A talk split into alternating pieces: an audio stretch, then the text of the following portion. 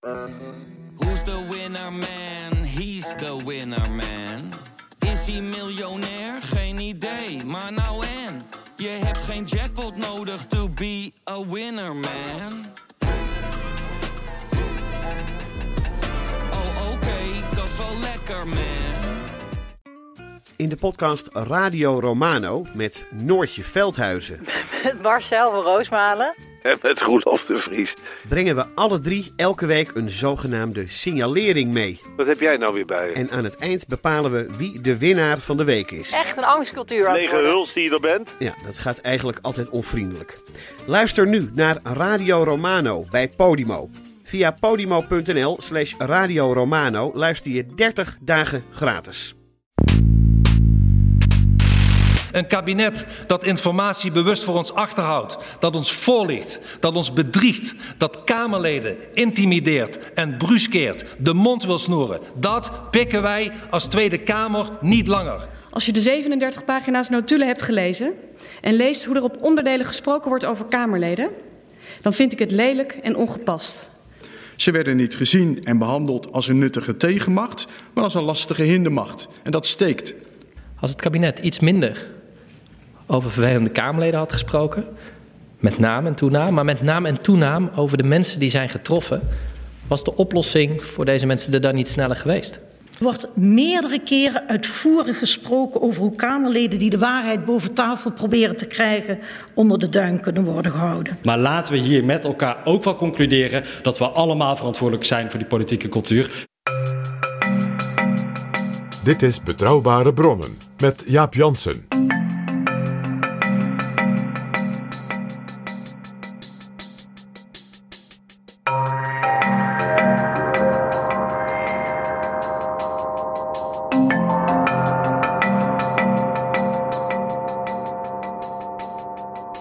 Hallo, welkom in Betrouwbare Bronnen, aflevering 187. En welkom ook PG.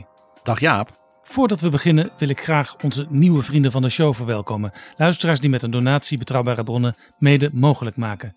De nieuwe vrienden zijn Gijsbert, Menno, Brand, Bertha, Cornelis Jan, Tjeerd, Marta en Roberto.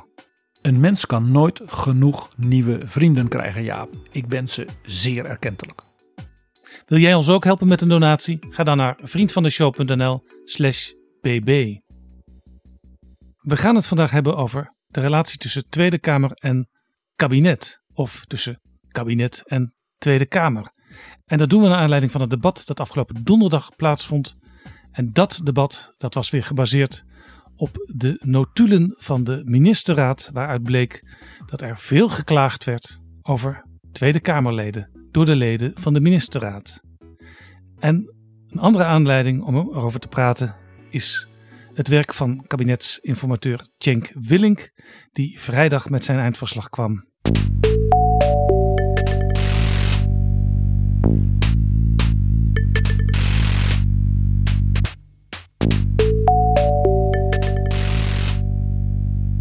PG, dat debat deze week was naar aanleiding van die vrijgegeven ministerraadsnotulen. Wat viel jou daarin op? Nou ja, natuurlijk een heleboel. Want er stond ook een heleboel in. Uh, het waren ook uh, uh, natuurlijk heel, heel, heel uitvoerige notulen. Ja, ik heb zelfs de indruk. Ik heb vroeger als student, lang geleden, onderzoek gedaan naar ministerraadsnotulen. Dat ze toen beknopter waren dan tegenwoordig. Dat ze tegenwoordig. Het, het, het zijn geen letterlijke citaten, maar het, het, het komt er wel in de buurt. Ja, wat je vroeger had, was dat dus notulen toch vooral, ik zal maar zeggen, het formuleren van de beslispunten inhield. Dus de conclusies en dan zo geformuleerd dat alle betrokken ministers kunnen zeggen: ja, precies, dit is zoals we het hebben gewild. En bijvoorbeeld het punt dat wij vanuit ons departement of vanuit ons onderdeel van het kabinet, de financieel-economische sector of vanuit die partij in het kabinet, zit dat bezwaar of dat voorbehoud er hel, helder genoeg in geformuleerd. Dus Ja. een besluitenlijst meer. Ik heb bijvoorbeeld wel eens gezocht naar eh, de kernwapenproblematiek, de besluitvorming daarover. Daar kwam je eigenlijk niet eens zo heel veel smeuïge citaten over tegen.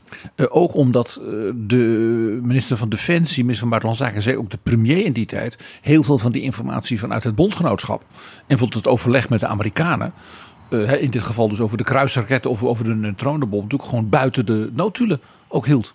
En wat natuurlijk heel belangrijk is in Den Haag, is het beraad wat voorafgaat aan de ministerraad. De onderraad heet dat.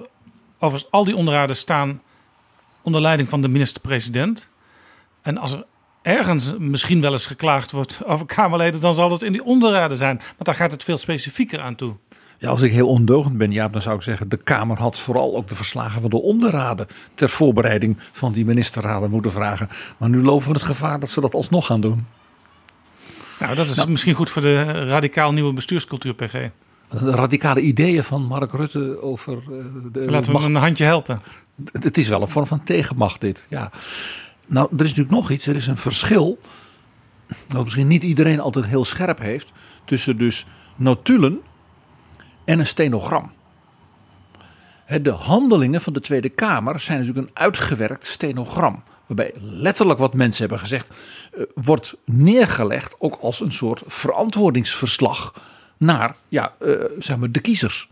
En ook nadrukkelijk de overwegingen van de Kamer, bijvoorbeeld in een debat, bijvoorbeeld jaren later nogmaals kunnen worden aangeroepen als bijvoorbeeld een bepaalde kwestie zich voortzet. Ja, dat maakt zo'n eh, handelingenverslag over een Kamerdebat, zeker als je het voor het eerst leest en het debat dus eerder niet hebt bijgewoond, soms ook best wel sleazy om helemaal door te nemen. Ja, dat, is, kan, dat kan soms bijna vervelend zijn, omdat er ook bijvoorbeeld, bijvoorbeeld heel veel technische dingen in aan de orde zijn. Nou, dus de de notulen van zo'n ministerraad zijn dus nog een stenogram. Uh, waarbij staatssecretaris Dier die zegt: uh, Ik ga nu even bellen. En dan staat dat erin. En het is ook geen pure besluitenlijst. als het ware met de voorzitter trekt na anderhalve discussie deze drie conclusies en die staan er. Het zit er dus tussenin. En dat maakt dus ook de interpretatie van wat daar staat soms best lastig. Want de indruk die soms in de media bij de eerste reacties werd gewekt, alsof hier letterlijke teksten van een minister Grapperhaus, van een Rutte uh, en dergelijke uh, aan de orde zijn, dat is dus een misverstand. Ja, maar het komt soms wel dichtbij, hè? want het inmiddels bekende woord sensibiliseren, dat stond er natuurlijk ook in. En dat is niet een woord dat mensen dagelijks gebruiken. Dus dat komt ergens vandaan in zo'n verslag. Uh, sterker nog, dat is dus ook door de ministerraad en dus ook door de minister die dat woord gebruikte, Wopke Hoekstra, goedgekeurd. Want nog een belangrijk puntje, dit zijn dus door de ministerraad vastgestelde notulen. Ja, overigens, het is natuurlijk niet zo dat ze uitgebreid elke week uh, alinea voor alinea dan, daar nog eens naar gaan kijken. Maar goed, je hebt gelijk, als het helemaal niet gezegd is of als het totaal uh, out of context is, dan kun je het natuurlijk schrappen als je wil. Nou Jaap, ga ervan uit dat er wel degelijk situaties zijn geweest in kabinetten in het verleden. waarin dus de notulen, bijvoorbeeld, denk eens over uh, uh, dingen als de kruisraketten. maar denk ook eens over de, de hervormingsvoorstellen, discussies in het kabinet Den Uyl. wel degelijk, uh, zeg maar, ook nadrukkelijk werden besproken. en daar ook soms dus opmerkingen bij gemaakt werden. Onderschat dat niet. Dit is Betrouwbare Bronnen. Een van de meest opvallende dingen, als je kijkt dus naar wat we nu te lezen kregen, was dus de ja, uitgebreide en ook moeizame manier waar dus de verschillende leden van het kabinet, de ministers uh, uh, en ook de betrokken staatssecretaris, dit hele vraagstuk, de hele aanpak van dus die uh, toeslagentoestanden met elkaar besprak. Je zou kunnen zeggen een uitvoeringskwestie. Dus dat moet je de ambtenaren orders geven en zeggen: los dat op. En je ziet dus dat anders dan de beeldvorming, het kabinet had er geen aandacht voor. Men had er ontzettend veel aandacht voor. En men besefte blijkbaar ook hoe ongelooflijk kwetsbaar dit was. Ja, het was natuurlijk ook een zeer pijnlijke zaak. Want uh, het kwam plotseling op in Den Haag. Maar het smeulde al jaren in het land. Alleen de mensen wie het betrof, die, die hadden niet het idee dat er iets van die pijn van, van mensen doorkwam op het Binnenhof. Niet in de ministerraad, maar ook niet in de Tweede Kamer in eerste aanleg. En ook allereerst al niet in het eerst verantwoordelijke ambtelijk apparaat. Want uh, wat in deze discussie over de toeslagen toch vaak wordt vergeten, is dat uh, bijvoorbeeld uh, Pieter Omtzigt al uitgebreid onder het kabinet Rutte 2. Eerst met staatssecretaris Wekers, die is zelfs ten val gekomen vanwege gedoe bij die Belastingdienst. Toen met staatssecretaris Wiebes, ook VVD. Enorm gedoe, onder andere met een soort vroegpensioneringsactie die volledig de mist inging. Die ook grote consequenties had weer voor het functioneren van de dienst en dus ook die toeslagen. Al bezig was geweest. Dus het was niet zo dat deze kwestie voor, staatssecretaris Menno Snel bij zijn aantreden als het ware als een volkomen verrassing en een onderwerp waar hij volstrekt niet op voorbereid was uh, over tafel. Nee, maar er stonden blijkbaar ook muren op het departement van Financiën zelf tussen de verschillende diensten en tussen de beleidsambtenaren en de ambtelijke top, waardoor niet duidelijk werd en zeker niet snel duidelijk werd wat er aan de hand was. Nou, dat is ook een heel interessant punt, vind ik, in die notulen. Dat is dat de staatssecretaris, dus de eerst verantwoordelijke bewindspersoon waarvan je zegt, nou die zit op de gegevens. Ja, dat was Menno Snel, eh, D66, de, de staatssecretaris van Belastingzaken. En een inhoudsdeskundige, meer een ambtelijke figuur dan een politieke figuur. Dat die eigenlijk voortdurend moet aangeven dat hij het ook allemaal niet precies weet. Uh, dat hij dus ook intern zwak staat wat betreft de informatie. De dingen die die. Hè, dan komen er weer nieuwe vragen van Omtzigt of van Renske Leijten. En dan of van Helma Lodders van, de, VVD, of van Farid Azarkan van Denk. Dus het komt van alle kanten uit. Hij zat eigenlijk klem, zie je, als je die notulen goed leest, tussen aan de ene kant de Tweede Kamer met al die vragen. En aan de andere kant zijn een deel van zijn eigen ambtelijk apparaat dat niet voldoende openheid van zaken intern gaf. Zo moest hij dan voortdurend achteraf weer merken. En dat blijkt ook daarmee... geen signalen gaf van... Uh, we hebben problemen, doen wij het nu goed? Moeten we het anders doen? Uh, moeten we daar nog eens uitgebreid naar gaan kijken? Hoe gaan we dit aanpakken? Of nu deze vragen van de heer Omtzigt of mevrouw Leijten binnenkomen, zien wij nog een aantal aanvullende lastige punten of dilemma's waar wij u als het ware als bewindspersoon voor willen waarschuwen. Of ja, als dit, de Kamer hier problemen mee heeft, er, er spelen nog twee, drie problemen, zullen we daar dan ook maar even naar kijken. Wat je dus ook ziet is dat de arme uh, staatssecretaris Snel dus niet alleen klem zit met gebrekkige ja, know-how, informatievoorziening uit zijn eigen apparaat. De behoefte van de Kamer, die natuurlijk sterk toenam, ook in kritische toon. Van ja, waarom horen we dat allemaal niet? Hoe zit dit nu toch? En daarmee ook richting zijn collega's in het kabinet. Want dat zie je dus ook, dat die bewindslieden van de rest van het kabinet hem dus voortdurend zeggen: ja, hoe zit dat nou? En uh, de Kamer wil een feitenoverzicht. en dan moet hij eigenlijk toegeven in het kabinet dat hij ook niet precies weet hoe hij dat zou moeten maken. Ja, en interessant hierbij is uh, Menno Snel.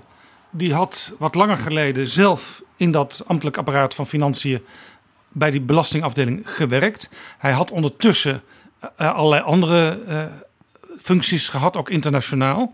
maar hij was teruggehaald en hij had blijkbaar wel in het in zijn hoofd zitten hoe het ongeveer gaat op een departement. Dat is natuurlijk handig als je staatssecretaris wordt. Maar hij had bijvoorbeeld geen enkele eh, parlementaire politieke ervaring. Dat mis je dan wel op zo'n moment als het dingen niet fijn blijken te lopen. En als de Kamer steeds kritischer wordt. En ik denk dat dat ook een aspect is van wat jij en ik al lezend, nou blijkbaar alle twee, uh, constateren. Dat hij een beetje een speelbal werd tussen die drie uh, ik zeg maar, kritische factoren. Dat is de problematiek van zijn eigen dienst, waar hij duidelijk geen greep meer op had. Ook als oud collega niet. Uh, die Kamer, waar hij gewoon ook de ervaring mist, zoals jij zegt, met een aantal doorgewinterde Kamerleden. Want dat mag je toch zeker zeggen. Uh, die er bovenop zaten. En natuurlijk elke keer als de antwoorden kwamen en die waren onvolledig, dan wordt zo'n Kamerlid natuurlijk argwanender en kritischer. En dan de rest van het kabinet, dat dus de collega op financiën, die toch een expert was op dat terrein, die zagen zij natuurlijk langzaam maar zeker kopje ondergaan. Ook in die Tweede Kamer, maar ook in dus de eigen organisatie. Ja, en vandaar dus dat de ministerraad zich er steeds meer mee gaat bemoeien. Want als dingen goed lopen, dan komt het werk van zo'n staatssecretaris vaak gewoon helemaal niet aan de orde of, of slechts kort of zijdelings. Uh, jij weet dat in de tijden van Lubbers men altijd zei, als de premier, dus als Ruud Lubbers, je gaat bellen met de vraag: zal ik even meedenken? Dan was lijden in last voor zo'n bewindspersoon. Als de minister-president zich niet met jou bezighoudt, dan betekent dus dat het goed gaat. Dat jij je zaakjes op orde hebt en dat je dus wordt gewaardeerd wordt, want je merkt niks. Dat klinkt misschien een beetje raar, maar zo is het wel. Nou, wat je ook dus ziet in die notulen, vond ik een opvallend punt. dat uh, minister Grapperhaus zelfs bijna een soort... De minister van Justitie van het CDA. Een soort merkwaardig soort vaderlijk beredderende rol ineens gaat spelen. Omdat hij merkt dat de wijze waarop snel naar de zoveelste reeks vragen van omzicht eh, dan een motie aan zijn broek krijgt. Waarin de Kamer zegt wij willen een feitenoverzicht. Want de Kamer was dus net zo goed als het kabinet en snel zelf in feite het zicht kwijt op hoe zit het nu. Ja, en eigenlijk de makkelijkste vraag die je als Kamer dan kan stellen is roepen om een feitenoverzicht. Want dan stuur je in feite de andere kant uh, ja, het bos in. Ga al die houtjes maar bij elkaar sprokkelen. Wij weten het niet. Jullie weten het blijkbaar ook niet. Nou, zorg dan maar dat het op tafel komt. En wat doet dan Grapperhaus? Die waarschuwt dan staatsrechtelijk volkomen terecht dat je daarmee als het ware schampt langs de, de, de, de, randen van artikel 68 van de grondwet. De informatieplicht aan de Kamer van het kabinet, van de regering. Als de Kamer met algemene stemmen om zo'n feitenoverzicht vraagt, dan kun je dus niet twee, drie brieven sturen met nou ik dacht ongeveer dit en ik dacht ongeveer dat. Dan roep je als het ware ook over je af dat de Kamer gaat zeggen ja hier nemen wij volstrekt geen genoeg aan. Het tragische natuurlijk ook altijd van een feitenoverzicht is dat de Kamer heel makkelijk al snel kan roepen we hebben niet het idee dat dit het complete overzicht is. En dan raakte dat meteen het bekende punt van de Rutte-doctrine. Namelijk dat je bij zo'n feitenoverzicht niet mag melden wat ambtenaren vonden. En de vraag is dan altijd wat, wat, wat dan wel en wat dan niet. Maar dat probleem kwam dat zag dus Grapperhaus denk ik terecht goed. Eh, dat kwam dus meteen als het ware achter de horizon op, opdoemen. Dus wat doet Grapperhaus dan? Zo staat in die, die notulen die biedt dan aan dat hij zeg maar, de staatssecretaris en zijn uh, staf wel wil helpen met het maken als het ware van zo'n uh, feitenoverzicht. Als het ware met de steun dus van de staatsrechtjuristen hè, van zijn ministerie. Zodat dat als het ware precies de goede dingen erin komen te staan. Zonder dat je als het ware dingen opneemt waar je zegt ja dat, dat kan niet omdat bijvoorbeeld individuele ambtenaren of andere dingen aan de orde zijn. Ja, hierbij is het natuurlijk goed ook om te beseffen dat uh, Grapperhaus, voordat hij minister was, advocaat was op de Zuidas. Waar het vaak echt om comma's gaat in contracten. En waar je precies moet weten wat je wel en niet opschrijft. Omdat je daar nog jarenlang uh, plezier van kan hebben of heel erg veel last van kan hebben. En naast die baan had hij er nog een. Hij was hoogleraar in Maastricht. In de rechtswetenschap. En die kant hoor je eigenlijk ook hierin dat hij zegt: pas nou op hè, met dat grondwetartikel. Uh, dus doe het nou zo ja, dat, je, dat dat feitenoverzicht ja, voldoet aan wat de Kamer wil, zonder dat je dus in grote ook constitutionele problemen komt. En ik vond dat dus op, opvallend, want dat gaf aan dat eigenlijk die bewindslieden het gevoel hadden uh, dat de mensen van financiën, dus snel en de zijnen, in feite de zaak niet helemaal meer in de greep hadden. Ja, en het interessante is ook dat um, het CDA zie je hier eigenlijk uh, ook klem zitten tussen de Kamer en het apparaat. Want de minister onder wie snel functioneert is natuurlijk minister Wopke Hoekstra van het CDA. En vanuit de Kamer was natuurlijk Pieter Omtzigt van het CDA een van de geharnaste vragenstellers. En op een gegeven moment in die ministratie natuurlijk komt ook naar voren dat Hugo de Jonge, de vicepremier van het CDA, de anderen erop wijst dat de vragen van de heer Omtzigt wel goed en netjes beantwoord moeten worden. Want Hugo de Jonge kent natuurlijk uh, Pieter Omtzigt natuurlijk al heel lang. Uh, veel langer dan Wopke Hoekstra hem kent. Uh, en ja, die weet dat als je als Pieter Omtzigt vragen stelt en hij krijgt voor de zoveelste keer een zogenaamd kerantwoord, hè, kluit in riet. Of dat er dat die staatssecretaris van Financiën opnieuw laat blijken onvoldoende op de informatie te zitten vanuit zijn apparaat. Dat dan omzicht niet alleen een beetje lastig gaat doorvragen, maar heel erg gaat doorvragen. Ja. En interessant is dat eigenlijk. En terecht natuurlijk. vanuit alle uh, partijen binnen die coalitie uh, wordt geklaagd over de Kamer. Zo werkt dat natuurlijk als je elke week in kleine kring bij elkaar zit en toch een beetje een boze buitenwereld hebt? Ja, ik zal straks een aantal voorbeelden uit onze parlementaire geschiedenis vertellen over het klagen in kabinetten over volksvertegenwoordigers en wat al niet. En je zult verbaasd staan hoe oud dat is. Het is zo oud als de weg naar Brussel. Ja, maar zo zie je bijvoorbeeld Carola Schouten, de vicepremier van de ChristenUnie, ja, die toch ook heel erg behulpzaam probeert te zijn van hoe kunnen we voorkomen dat we al te veel aan de Kamer gaan vertellen.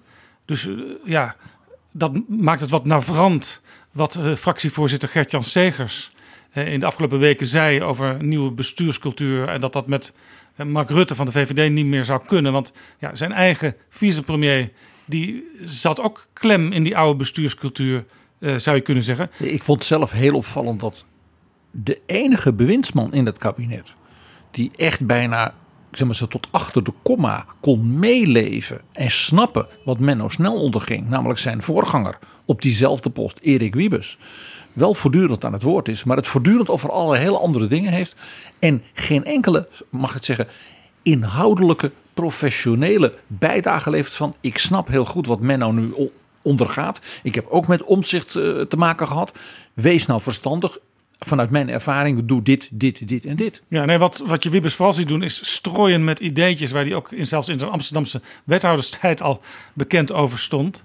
Maar ja, soms niet helemaal to the point uh, over waar het op dat moment in zo'n beraadslaging over gaat. Wat me ook nog opviel... Je zegt dat weer heel vriendelijk, ja. Was uh, Cora van Nieuwenhuizen, minister van de VVD, uh, die een stelling had die niet werd bestreden door anderen, maar zij, zij droeg die stelling uit.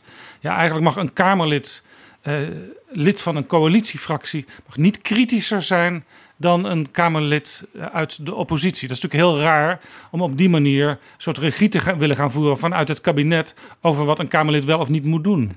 Wat ik op zichzelf dan wel weer leuk vind, is dat dus dit, deze bewindsvrouwen van de VVD in het kabinet als norm de Kamerleden van de oppositie kiest. Dat is op zichzelf dan wel weer heel dualistisch. Ja, en toch ook wel mooi, denk ik, dat in het Kamerdebat van afgelopen donderdag uh, de waarnemend fractievoorzitter van de VVD, Sophie Hermans, uh, meerdere keren mevrouw van Nieuwenhuizen hier op de vingers stikte van dit kun je gewoon niet zeggen. Dit is gewoon niet gepast om je op die manier uit te laten over wat Kamerleden wel of niet zouden moeten doen. En in zekere zin doet ze dat dus in lijn met mevrouw van Nieuwenhuizen, zo blijkt uit die notulen. Dat begrijp ik niet, PG. Nou, Sophie Hermans was dus precies zo kritisch naar mevrouw van Nieuwenhuizen als bijvoorbeeld een oppositiewoordvoerder zou zijn geweest. Ja, maar een Kamerlid moet juist kritisch zijn naar de regering. Want de natuurlijk. Kamer controleert PG. Natuurlijk, Dat hoef ik jou natuurlijk toch niet uit te leggen. Maar ik, ik, dit was enige vrolijke ironie. Ja, wat ook nog opviel, want eh, Sigrid Kaag van D66... die heeft natuurlijk ook haar mond vol de laatste tijd... al in de verkiezingscampagne uh, ja, over politieke ethiek. En, en zij is zeer gehecht aan een andere bestuurscultuur. En Nieuw leiderschap. Uitgesproken dat Mark Rutte daar toch eigenlijk niet de meest kwalificeerde voor is. dus dat is nog de vraag, wat gaat dat worden als er een nieuw kabinet gevormd wordt? Scheiden hun wegen. Precies.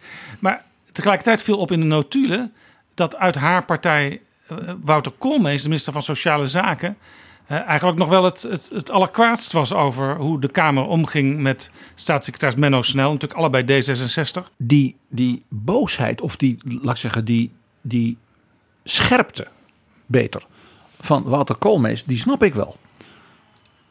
Want daar waar bijvoorbeeld Grapperhaus denkt van die arme Menno Snel, die jongen gaat kopje onder. Laat ik met mijn ervaring hem helpen daarbij als collega. En hem ook een beetje daarmee natuurlijk een beetje klem vasthouden. Want zo werkt dat natuurlijk ook. Voor Koolmees gold natuurlijk, wij zien hier een bewindspersoon van D66, die wij om vanwege zijn expertise op dit terrein op die plek hebben gezet, volledig de mist ingaan om te beginnen tegenover zijn eigen ambtelijk apparaat. Dat is natuurlijk voor eh, een man als Koolmees, die op dat moment bovendien optrad als vicepremier, uh, want mevrouw uh, Ollongren was ziek, natuurlijk extra pijnlijk. En dat verklaart denk ik ook denk ik wel een beetje de heftigheid die in die notulen doorklinkt van zijn teksten. Ja, en Koolmees had nog een persoonlijke reden ook om Menno Snel in bescherming te nemen. Menno Snel zat op die plaats, die was staatssecretaris geworden dankzij Koolmees. Uh, want bij D66 bleek het toch nog best wel moeilijk om uh, de juiste persoon op de juiste plaats te krijgen. Omdat men wist dat deze post dus uitermate hoop narigheid en gevoeligheid zou Ze opleveren. hadden oorspronkelijk iemand op het oog voor die functie. Dat was Hans Veilbrief. En die zit er nu? Topambtenaar in Brussel. Die er nu inderdaad zit samen met Alexander van Huffelen. Er zijn eh, voor, voor de afgetreden Menno Snel twee nieuwe staatssecretarissen gekomen. Maar Veilbrief die had toen nog een klus te klaren die die was, zou je kunnen zeggen, de ambtelijke baas van de eurozone. En die moest dus alles wat onder andere door uh, Jeroen Dijsselbloem, de vorige leider van de eurozone, in, gang was gezet, moest die, moest die afwerken. Uh, dus die komt pas later, zou je kunnen zeggen.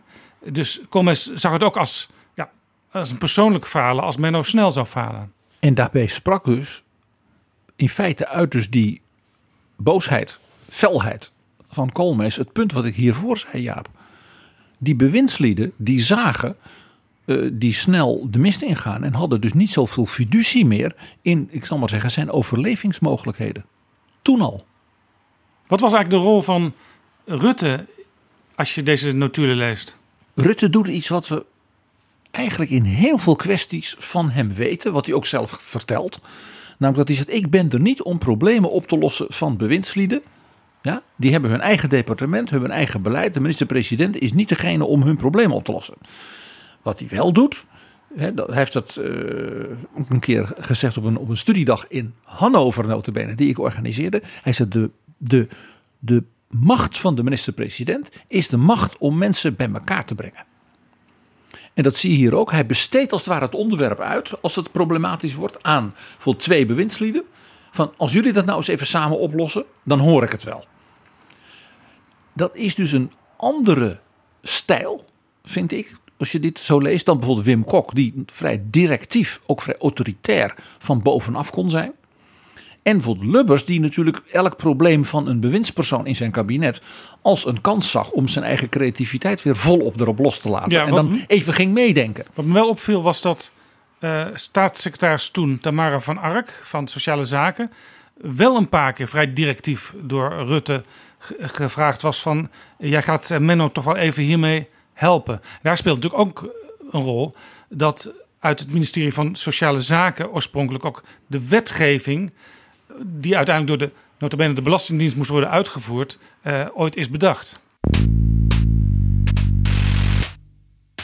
Dan nu even terug, PG, naar waar het eigenlijk uh, in de politiek en in de media de afgelopen weken om te doen is geweest. Ministers die zich uh, boos, wrevelig uitlaten over het handelen van Kamerleden. En door die Kamerleden ook een beetje opgejut en, en, en, en, en lastig gevallen. Nou ja, één ding. Als er nou iets uit deze notulen blijkt, dan is er wel een enorm soort dualisme. Want er wordt voortdurend geroepen, er is zo weinig dualisme. Nou, ik lees het heel anders. Die, de ministerraad, die zich, ik weet niet hoe lang, en we weten meerdere, meerdere malen, uitvoerig beweegt op het terrein van dat Kamerlid van de SP, die Renske, die hè, al jaren lastig. Dan heb je nog mevrouw Helma Lodders van de VVD, die is ook zo lastig. Dan heb je meneer Azarkan van Denk. Het kabinet zit zich dus op te winden over het feit dat die Kamerleden niet loslaten. Dat ze noemen de term activistisch, dat is natuurlijk een compliment. Dat ze dat zijn en dat ze dus als het ware zo goed geïnformeerd zijn dat ze alweer weer nog betere vragen hebben. En die arme Menno, de collega, kopje ondergaat. Ik zeg dus dan, dit is een hele dualistische situatie. Dat geklaag is niet alleen van alle tijden. Maar het is ook nog een signaal dat die bewindslieden, dus die Kamerleden, niet wegtikten van ja, die wil even in de krant komen. Dat, is, dat komt wel weer goed. PG, er wordt wel eens gesproken over een kartel wat in Den Haag aan het werk is. Maar dat is dus eigenlijk absolute onzin als je die notulen zo leest. Nou, als dat kartel al aanwezig is, dan stel ik twee dingen vast. Eén, het functioneert niet heel best. Ik bedoel, elk kartel in het bedrijfsleven dat op die manier zeg maar zijn prijsbeleid en de afspraken over het aanleveren van goederen en uh, het daarmee beschermen van de winsten op kunstmatige manier uh, zou moeten realiseren, zou onmiddellijk failliet verklaard worden. En het tweede, dat kartel, dat is blijkbaar van een zeer wisselende en brede samenstelling. Want het zijn bepaald niet, zo blijkt uit de notulen, zeg maar Kamerleden van de coalitiefracties of de regeringsgezinde fracties waar men uh, over klaagt. Het is in den brede. En ik zeg dan een beetje ondeugend, en zo hoort het ook. Bewindslieden moeten het gevoel hebben dat de Kamerleden, of ze nou van de Tweede Kamer zijn en op een wat andere manier staatsrechtelijk ook voor de Eerste Kamer, hen voortdurend op de huid zitten. Dat is nog iets anders dan hen voor de voeten lopen. Hen het leven onmogelijk maken. Hen bijvoorbeeld persoonlijk uh, beschadigen. Of bijvoorbeeld een goede uitvoering van hun beleid blokkeren. Door allerlei uh, zeg maar, trucs en wat dan niet. Ja. Maar dat ze ze op de huid zitten. Dat ze voortdurend aan bewindslieden vragen. Hoe zit dat nu? Uh, wij krijgen signalen van burgers waar wij ons zorgen over maken. Kunt u daar eens goed naar kijken en dat eventueel oplossen? Dat is precies wat de Kamer moet doen. Ja, ook opvallend soms dan zeggen ministers tegen elkaar van ik zal daar uh, dat en dat Kamerlid nog eens even op aanspreken. Nou klaar, uh, al dus besloten, volgende onderwerp. Maar blijkbaar gebeurt dat toch niet altijd, want Helma Lodders, die ineens uit deze notulen naar voren komt als uh, een Kamerlid, ze is van de VVD, wat ook voor problemen zorgt in de ogen van sommige bewindslieden. Ja, ik, dat, zou door... dat, dat, dat mevrouw Lodders een voortreffelijk Kamerlid, zeker ook in technisch opzicht ten aanzien van fiscale zaken en dergelijke, dat dat een, iemand was waar een heel kabinet bang voor was, was denk ik voor velen in Den Haag een opmerkelijke verrassing. En de premier die zou haar nog persoonlijk als leider van de VVD ook op aanspreken. In Nieuwsuur werd haar gevraagd of dat ook inderdaad gebeurd was. En toen zei zij dit. Heeft de minister-president druk op u uitgeoefend om wat minder kritisch te zijn. Nee. Da daar lijkt het wel op. Ja, maar dat heb ik niet zo. Nou, ik heb het in ieder geval niet zo ervaren. Hij ik zegt me... dat wel eigenlijk in de ministerraad. Ja, ja, ja. U heeft het niet zo ervaren als nee, dat de ik druk heb het echt gezet. niet zo ervaren, want dan, dan zou ik me wellicht uh, daar ook toe geroepen hebben gevoelen. Of, en dat is echt niet het geval. En ja, als het al geprobeerd is, u heeft zich in ieder geval niet door laten weerhouden. En ik heb me er zeker niet door laten weerhouden. Nee. Ze heeft er geen actieve herinnering aan, Jaap. ja, ja. En um, je ziet ook wel misschien wat een wat misschien soms een gemiddeld coalitiekamerlid overkomt van hé, hey, blijkbaar ben ik toch belangrijker geweest dan ik soms zelf dacht in dat hele proces. Uh, blijkbaar waren ze zelfs een beetje bang voor mij. Nou, dat is eigenlijk wel, uh, eigenlijk wel een compliment als ik dat zo achteraf hoor. Ik hoorde ook nog twee andere dingen. Ten eerste dat mevrouw Lodders zich eigenlijk dus letterlijk, ik zei het wat grappig net, niet kon herinneren dat Mark Rutte met haar. Dat kan dus ook betekenen dat, en dat vind ik eigenlijk wel vrij herkenbaar, dat zij zegt: Ach, Mark Rutte is iemand die spreekt ons als Kamerlid en wil heel regelmatig, want hij is heel toegankelijk, hij is altijd heel hartelijk en hij zal best wel eens een keer een opmerking maken van zeg Helma, een beetje kalm man hè. Dat zij dat heeft opgevat als een, misschien zelfs wel bijna een aanmoediging van je zit er bovenop, maar uh, hè, dat ze het helemaal niet heeft opgevat zelfs als een soort tot de orde roepen of waarschuwing van Ja, Rutte. ja. Door zijn altijd wat hartelijke en losse communicatie. En het feit dat de minister-president haar aansprak, was blijkbaar niet iets zoals je bij Lubbers nog hoort dat mensen het er jaar later hebben dat hij belde. Zal ik even meedenken. Ja, nee, want Rutte is ook typisch iemand op het Binnenhof die alomtegenwoordig is. Hè? Zelfs in de, in de schorsing van een Kamerdebat kun je hem soms plotseling even een kopje koffie zien drinken in Nieuwsport. En dan heeft hij ondertussen weer zeven mensen eh, gesproken. Ja, zo, zo kan dat gaan, dat je je nauwelijks bewust bent van... oh ja, hij zei ook nog iets tegen mij daar en daarover. Dat schiet je dan soms pas later te binnen. En maanden later ben je het alweer totaal ver- vergeten. En, en andere premiers zitten dus heel anders in elkaar. Ik, ik, ik ken een, een oud Kamerlid die, waarvan ik weet dat hij letterlijk niet kon slapen. De avond voordat hij wist dat dan de volgende dag Wim Kok hem zou bellen over een speechje dat hij zou houden in de Tweede Kamer. Dat is dus echt het totale tegendeel van communicatie. Ik zal maar zeggen tussen een Kamerlid eh, en de premier uit de eigen partij. En in dit geval dus eh, Rutte en mevrouw Lodder. Ja, ja, dus een beetje angst bij een Kamerlid van... doe ik het wel goed? Zeg ik wel de juiste dingen? Is wat ik doe misschien wel acceptabel voor de coalitie... waar zo'n premier ook de hoeder van is? Zorg ik niet voor problemen eh, waar dat niet nodig is of waar dat zelfs schadelijk zou zijn? Maar mij, er is nog iets, Jaap. Want ik zei een tweede ding dat mij opviel. Waar was Klaas Dijkhoff? Want je zou toch verwachten.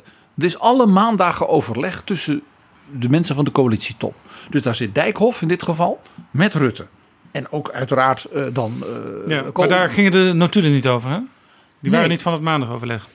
Nee, maar als dus Rutte vertelt. Ik heb zelf helemaal Lodders gesproken in de ministerraad. Veel logischer zou zijn, staatsrechtelijk ook. Dat hij zegt: Ik heb Klaas Dijkhoff even erop gewezen. Dit is echt een heel lastig punt. Praat jij nog eens even goed met Helma Lodders? Want dat zijn de correcte verhoudingen. Dus mij valt op dat uh, Dijkhoff uh, dus afwezig was. Of een andere mogelijkheid die ik ook logischer zou vinden, maar ook vanuit de historie. Dat je bijvoorbeeld een, wat ik maar noem, altijd een wijze oude geit in je kabinet. In dit geval dus bijvoorbeeld een Stef Blok. Ook fractieleider geweest en minister van... Ja, die ook wel een keer, aantal keren opmerkingen maakte. Dat je, dat je als minister-president zegt, Stef, praat jij even een keer met Helma. Dat ze even het bredere kader ziet. Nee, de minister-president deed dat dus blijkbaar zelf. En op een manier dat het betroffen Kamerlid het zich niet meer heeft kunnen herinneren. Ja, overigens is er altijd op donderdag een bewindsliedenoverleg, noemen ze dat in Den Haag. Maar daar zit ook de fractievoorzitter bij. Daar zit vaak ook de vicefractievoorzitter bij. Soms zitten daar ook Kamerleden bij. Over die belangrijke onderwerpen de weken daarop in de Kamer te bespreken hebben. En de fractieleider uit de Eerste Kamer en de fractieleider uit het Europees Parlement. Ja, dus dat is wel echt een, een, een monistische bijeenkomst, zou je kunnen zeggen, binnen de eigen partij. Het BPO, zoals dat heet, van donderdagavond, is het hoogtepunt. Dat is de hoogmis van het monisme. Ja, BPO staat voor bewindspersonenoverleg. En mij valt dus op in die notulen dat Rutte niet verwijst naar het BPO van de VVD. Dat hij daar tegen Klaas Dijkhoff of samen met Blok heeft gezegd... praat toch even een keer goed met Helma Lodders. Maar dat hij, dat hij het zelf gedaan heeft. Ook hier dus weer dat, uh, uh, dat kartel functioneert blijkbaar toch niet zo heel erg afgestemd als sommige mensen wel denken. PG, we hadden het eerder in dit gesprek al over dat woordje sensibiliseren. We hebben allemaal kunnen lezen in die notulen over hoe er werd gesproken over Kamerleden met naam en toenaam. Over hoe Kamerleden gesensibiliseerd moesten worden. Over coalitiekamerleden die toch echt een toontje lager moesten fluiten. Dat lekte eerder al uit via berichtgeving van RTL. Dat was die berichtgeving die ook aanleiding was voor de Tweede Kamer om te vragen naar al die notulen waarop die berichtgeving gebaseerd was. En in dat bericht van RTL, en die hadden niet, naar mijn indruk, de notulen zelf toen al gelezen, maar uh, via via en uit meerdere bronnen bevestiging van, nou ja, dit staat ongeveer op in die notulen. Uh, dat woordje sensibiliseren, Wopke Hoekstra zei in de notulen dat hij geprobeerd had de heer Omtzigt te sensibiliseren, maar dat was niet geheel gelukt.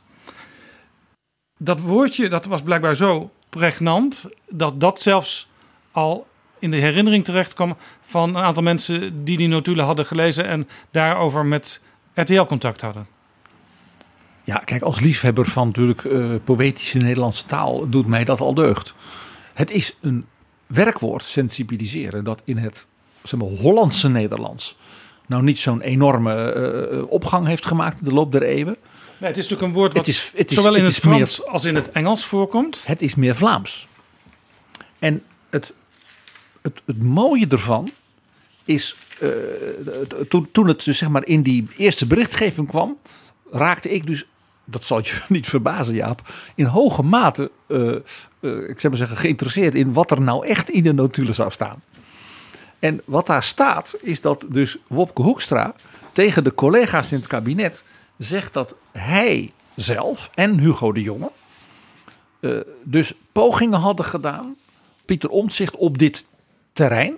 Dus het feit van die enorme problematiek en de hele veel vragen die hij stelde. En het feit dus, de indruk ook van de bewindslieden, dat Menno snel kopje onderging. Te sensibiliseren. En het interessantste is bijna nog wat hij dan daaraan toevoegt. Maar dat dat natuurlijk niet erg hielp. Ik heb hier de twaalfde editie van uh, het grote woordenboek van Van Dalen. En daar staan eigenlijk twee soorten betekenissen bij sensibilisering. De eerste is gevoelig of gevoeliger maken. En dat heeft dan een fotografische, dan wel medisch-biologische context.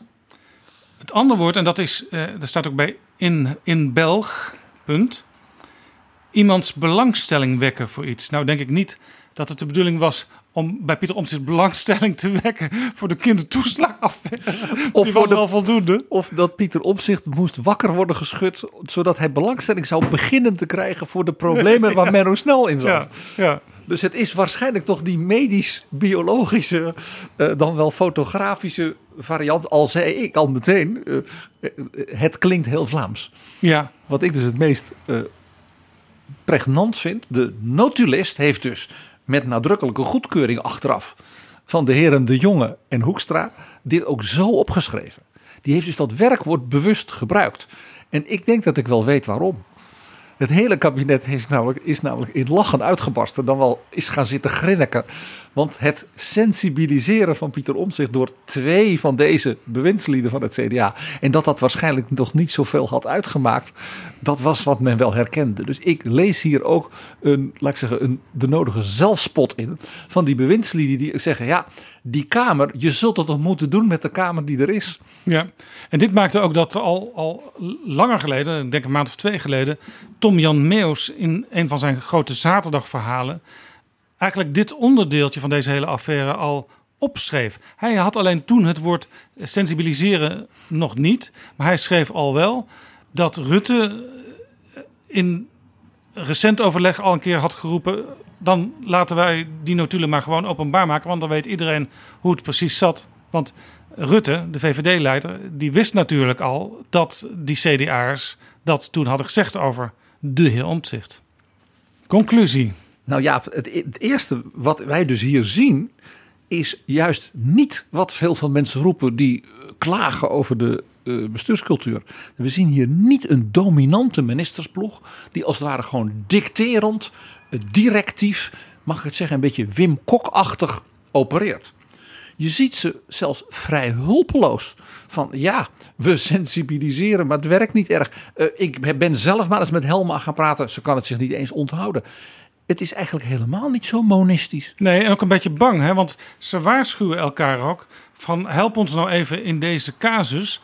Eh, want als die omzicht zo tekeer gaat. En die heeft het waarschijnlijk bij het goede eind. Dan gaan andere Kamerleden uit de coalitie misschien dan op hele andere punten straks tekeer. En dan zijn we nog verder van huis. En dan komt er zelfs zo'n buitengewoon deskundig, uh, uh, niet opvallend, flamboyant Kamerlid als Helma Lodders. Die voelt zich dan als parlementariër ook uitgenodigd, misschien zelfs ook wel uh, verplicht, om te zeggen: ja, dan wil ik ook toch echt precies weten hoe het zit. En van Renske Leijten wisten ze dat sowieso. En dat gold voor natuurlijk Varia ja, ja, Nee, maar het ging dus ook, om, ook op hele andere terreinen. Hè? Op, op, op economische zaken of buitenlandse handel of noem allemaal maar op. Nou, mevrouw, dan gaan die Kamerleden en ook, ook ineens veel steviger in het zadel zitten. Uh, mevrouw van Nieuwenhuizen die waarschuwde zelfs voor... Centraal Bureau Rijvaardigheidsbewijzen? Daar, daar was ze bang dat daar dezelfde soort problemen zouden ontstaan. Nou, dat, dat, uh, een zekere hulpeloosheid en dus juist niet monistisch. In dat opzicht was er een heel interessant moment in dat Kamerdebat over die notulen. En dat was een interruptiedebat tussen Lilian Marijnis van de SP en Rob Jetten van D66. Laten we daar even naar luisteren. Voorzitter, wat ik lees in die notulen is een kabinet dat onmachtig was om snel een fatsoenlijke oplossing voor die toeslagenaffaire te vinden. Maar wat ik ook daarin lees, is irritatie over de Kamer. En dat is een compliment aan de Kamer. Het feit dat Kamerleden hier hebben volgehouden, zijn door gaan graven, zijn door gaan bijten. Net zo lang tot alle problemen boven tafel waren en er een fatsoenlijke compensatieregeling voor die Kamer kwam. Ik lees dus een onmachtig kabinet en een Kamer dat zijn werk heeft gedaan. En laten we daarmee doorgaan. Ervoor zorgen dat eventuele andere problemen ook in beeld komen, maar niet hier de beeldvorming en de ophef nog groter maken. Dat past ons niet. Als we een andere bestuurscultuur willen, dan zullen we daar ook als Kamer ons steentje aan moeten bijdragen. Ik vind het echt ongelooflijk. Ook de heer Jette die zelfs in dit debat nog het aandurft om de beeldvorming boven de waarheid te zetten. Nou, dat is toch wel heel erg brutaal, meneer Jette, dat u dat durft te zien. En dat u dit kabinet onmachtig noemt, terwijl u de kennis hebt die in die notulen staat, dat heeft niks met onmacht te maken, meneer Jette. Alles is hier onwil geweest. En dat is precies wat wij dit kabinet kwalijk nemen. Jaap, wat hoor je hier? Je, hoort hier Marijnissen die zegt: het feit dat het kabinet dit soort dingen deed, dat wat bewijst hun onwil. Ze wilden de Kamer helemaal niet informeren. Dit is allemaal één groot complot als het. En Rob die bijna misschien wel per ongeluk zegt: nee, is onmacht. En uit nou ja, de, het gesprek wat wij nu voeren, ik denk dat Rob Jette het hierbij juist eind heeft. Dat is overigens geen compliment van Rob Jette aan zijn eigen bewindslieden. Laten we wel wezen. Maar ik denk dat, dus, dat hij gelijk heeft. Het was geen onwil, het was pure onmacht. Hulpeloosheid. En dat begon natuurlijk bij die staatssecretaris, die maar niet uit dat apparaat de waarheid boven tafel kreeg. En dus aldoor weer verrast werd tot zijn eigen wanhoop, want dat blijkt uit die notulen, met de ellende waar hij blijkbaar verantwoordelijk voor was. En dan had hij dus die omzicht op zijn nek en die, al die andere, andere mensen die er dus bovenop zaten, zoals de Kamer dat hoort te doen. Ja, en de Kamer zat er zo hard bovenop dat de Kamer eigenlijk voortdurend de aanjager was van de discussies in de ministerraad. En dat is een tweede belangrijke conclusie. Het zijn de Kamerleden die hier de agenda bepalen. Het kabinet is reactief en met name dus de staatssecretaris Menno Snel moet voortdurend naar, de, naar het kabinet melden dat hij weer achter de feiten aangelopen is. Zodanig dat zelfs nou ja, hulplijn Grapperhaus ja, erbij springt. Uh, en dat de minister-president, VVD-staatssecretaris Sociale Zaken mevrouw Van Ark, maand gaat de jongen toch even helpen. Opnieuw denk ik hier dus het gelijk van Rob Jetten. Een reactief kabinet dat voortdurend achter de feiten aanloopt. En vandaar dus ook het maken van een feitenrelaas. Dat dan ook nog niet moet schampen langs artikel 68 van de grondwet. Daarom zo moeilijk was. Als je achter de feiten aanloopt, wordt dat relaas dus een drama. Ook wel interessant, PG, in dit verband is wat Tjibbe Joustra in de vorige aflevering van Betrouwbare Bronnen tegen ons zei. Uh, het probleem ontstaat als je niet meer rolvast bent in het, in het politieke, in het Haagse systeem. Dus, dus overheidsdiensten moeten doen waar ze ooit voor bedacht zijn. De regering moet regeren, Kamerleden controleren. Uh, maar als dat allemaal een beetje in elkaar gaat overlopen, ja, dan ontstaan er problemen. Nou, je ziet bijna, een, het is bijna een soort casus voor een jonge politicoloog om op te promoveren. Dat dus de minister-president, de staatssecretaris van Sociale Zaken, moet aanmanen: help nou die collega van jou van Financiën, want het beleid ja, op dit terrein waar het helemaal misgaat en waar die Kamer bovenop zit, eh, dat komt van Sociale Zaken, maar de uitvoering valt onder die man op Financiën die kopje onder dreigt te gaan. Daar zie je dus al het volledig verlies van die rolvastheid. Is precies wat Tjibbe Joustra zei. Die zei ook de, de, de Belastingdienst moest dus dingen gaan uitkeren op grond van beleid dat werd vastgesteld onder sociale zaken. En dan zie je dus ook dus die, mag ik zeggen, die schurende rol bij Wouter Koolmees, waardoor hij dus ook zo bozig was. En hebt nog één conclusie. Het vaak toch met zekere mysterie omgeven maandagoverleg. Ja, daar had je het net over. Ja. Ik stel vast dat dat dus helemaal niet zo regisserend en de zaken helder afsprekend en, en aanleidend richting de ministerraad van vrijdag. Want dan zou je zeggen dat er in de ministerraad uh, niks meer te klagen valt. Dat zou je denken, ja. Die sessies zijn blijkbaar een hoop koude drukte. En waarbij een hoop details van die vrijdag daarvoor nog weer een keer worden herkoud. Ook weer naar aanleiding van telefoontjes in het weekend. Maar echt regisseren doet dat maandagoverleg blijkbaar niet. Tjibbe Joustra had het daar ook met ons over. In die maandagsessies worden soms dingen bedacht die achteraf dan nog eh, via de ministers op de ministeries uh, van beleidsonderbouwing moeten worden voorzien. Ja, dat eh, werkt natuurlijk ook niet heel, heel stabiel allemaal. Jaap Jansen en Pieter Gerrit Kroeger duiken in de politieke geschiedenis. PG, het ging er natuurlijk over de afgelopen week dat ministers klagen in de ministerraad over Kamerleden. En hoe die Kamerleden hun eigenlijk het bloed onder de nagels vandaan proberen te halen. Maar PG, dat is toch van alle tijden. Ik had, ik had halverwege de jaren tachtig college van professor Herman Tjenk Willink. En die had in 1980 al een rapport gemaakt waarin die schreef...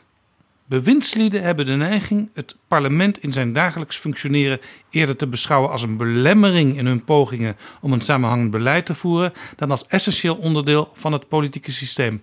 Dat was dus ruim 40 jaar geleden, PG. Dat schreef hij in 1980. Toen had hij het over het kabinet der Uil, waar hij als hoogambtenaar een van de ondersteuners van nou was. ja, het kabinet van Acht Wiegel was toen ook alweer drie jaar aan het regeren. Hij was topambtenaar en ook betrokken bij de ministerraad, ook toen. En ongetwijfeld was Herman Schenk Willink ook toen al diep geïnteresseerd in onze parlementaire en politieke historie. Want Jaap, het zal jou niet verbazen. Het is zo oud als de weg naar Rome, dat geklaag. Ik begin heel kort, want daar gaan we er niet op in. Maar de Belgen die in het Koninkrijk der Nederlanden kwamen. En dus ook in het parlement kwamen. Dat, hè, het 1815, 1830. Dat dan in Den Haag en dan in Brussel vergaderen. Daar werd wat over geklaagd. En wat klaagden die over het ongekende monisme van koning Willem I, die alles zelf wilde doen. Die zelf regeerde. De ministers waren loopjongens. Het parlement werd door hem terzijde geschoven. En vooral die kritische, wat meer modern liberale Belgen. Geïnspireerd vaak ook door Engeland. En natuurlijk door de Franse revolutie. Daar werd wat over geklaagd, ook in het noorden. En door de koning. En in het Ménagerie du Roi, de Eerste Kamer. En 15 jaar daarna liepen ze zelfs gewoon helemaal weg uit dat koninkrijk.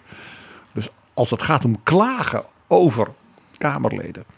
En klagen onderling in te veel monisme en te weinig dualisme. Het hoogtepunt ervan in Nederland hebben we al heel lang geleden Ja, gehad. Als je praat over de koning, dan kom je als je in de historie kijkt natuurlijk ook al snel bij eh, Johan Rudolf Thorbecke. Zeker. Die een heel mooi eh, bouwsel heeft gemaakt eh, van het Nederlandse ja, politieke stelsel. En dat is, een, dat is een bouwwerk waar nu nog vaak aan gerefereerd, wat in feite nog steeds de basis is van het politieke functioneren van Nederland anno 2021. Hoe ging Thorbecke daarmee om met dat vraagstuk van het dualisme? Nou ja, Thorbecke had, we hebben het er wel eens over gehad, Jaap. Ook zo zijn ervaringen met monistisch denkende koningen. die zichzelf eigenlijk al meer als een Russische tsaar zagen. dan als een oranje, hè, koning Willem III. Maar de, laat ik zeggen, oude Thorbecke. Dus de grote liberale premier. die ook zo lang premier was, net als Mark Rutte. op het eind van zijn premierschap was het een en ander geklaag over die Kamerleden. En met name ook de Kamerleden van zijn eigen liberale stroming.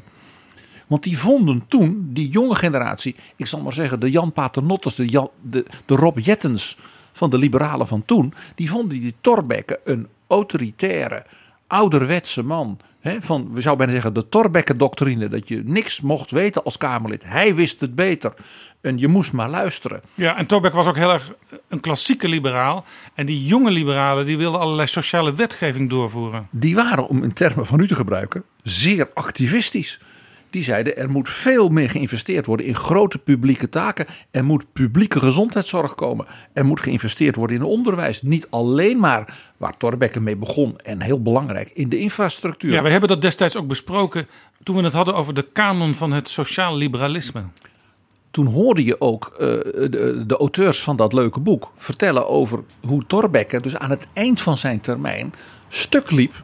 Ja, en met hevige klachten inderdaad wederzijds tussen de jonge liberalen en eh, eh, ja, de, in hun ogen ouderwetse, weinig dualistische, monistische Thorbecke. Jij sprak met Rob Jetten toen over zijn Kerdijk-lezing. Dat was ook zo'n voorbeeld van zo'n vooruitstrevende, zeg maar links-liberale denker. Die Kerdijk was dus typisch zo'n voorbeeld van iemand waar Thorbecke enorm over liep te klagen. Ja, dus het is dus een liberale kring hadden de- met premiers meer gebeurd. Hadden de notulen er eh, destijds zo uitgezien zoals ze er nu uitzien, dan hadden we zeker eh, vergelijkbare woorden over sensibiliseren en zo kunnen, kunnen terugvinden daarin. Eh, eh, Thorbecke was meer Duits. Die had een sensibilisering ge- ge- gezegd. Maar activistisch en voor de voeten lopen en wat al niet. Idem dito. Laten we een sprong in de tijd nemen. De jaren 60, de nacht van Schmelzer. Ja, Jaap, als er natuurlijk een moment is in onze politieke historie.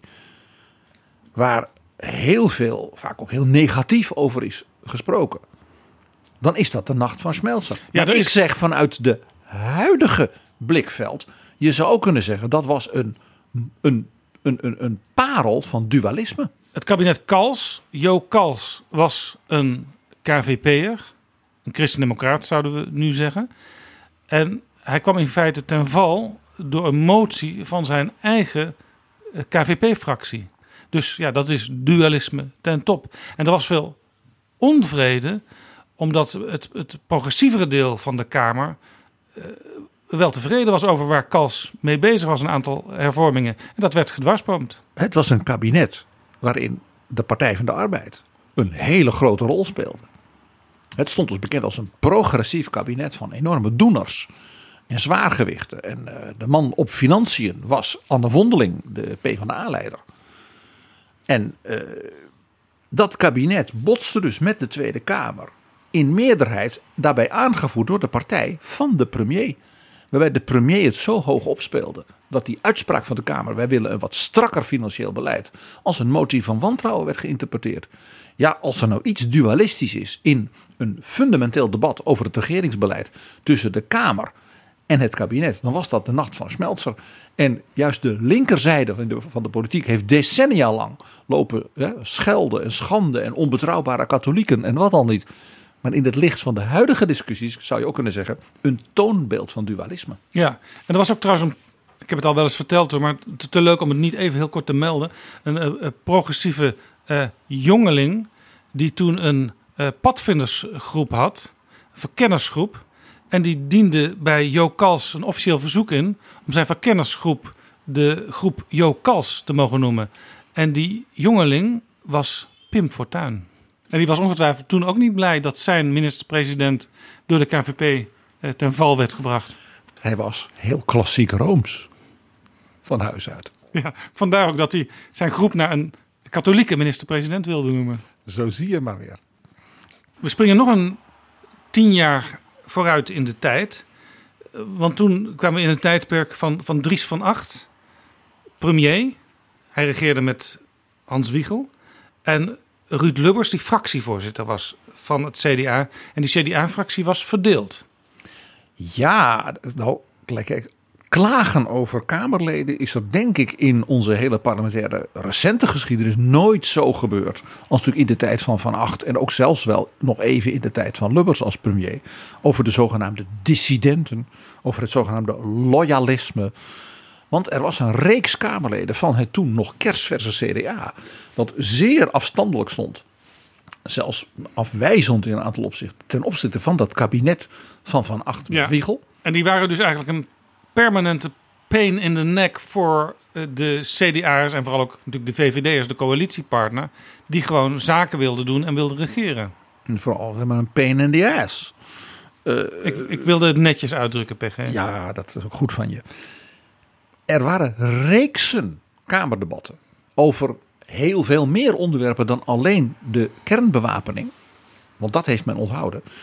Waarin er dus gedreigd werd of eh, gevreesd werd eh, voor afwijkende stemmingen. Dat dus delen van de CDA-fractie niet meestemden met de coalitiepartner VVD en andere partijen in de Kamer. En er dus een meerderheid voor de oppositie was. Ja. Op terreinen als de relaties met Zuid-Afrika, de eh, eh, exportvergunningen voor allerlei materiaal van Urenco. Dat waren dus eh, kern, eh, het, centrale onderdelen. Eh, er speelde van alles. Natuurlijk Ook allerlei sociale onderwerpen. Op sociaal terrein die, was er die, spanning. Die, die dissidenten, zoals ze vaak genoemd werden in het CDA, eh, die hadden vaak ook overleg met eh, mensen uit de Partij van de Arbeid, terwijl dat tussen de oppositie was. De VVD dacht, wij hebben een fijn rechtskabinet met het CDA, maar die kwamen vaak van een koude, koude kermis thuis. Zeker. En daarbij kwam ook nog dat de, zeg maar, de loyalisten, zoals ze wat spottend door Van Acht werden genoemd. Want Van Acht is de bedenker van die term loyalisten. eh, hadden ook heel veel contact in het kabinet met met name minister Albeda van Sociale Zaken, die als een soort brugfiguur tussen hen en het kabinet functioneerde.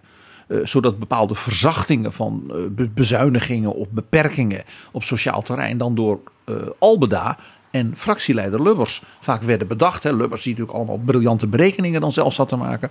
Waarbij Van Acht dan als premier soms overvallen werd, althans zo voelde hij dat zelf vooral. Ja. Eh, door dus nieuwe ideeën van Albeda die van Lubbers kwamen om die loyalisten dus eh, te contenteren. Minister Wil Albeda kwam ook vaak op zondag bij Ruud Lubbers over de vloer om de dingen door te spreken. En de heer Van Acht die sprak daar dan altijd misprijzend over.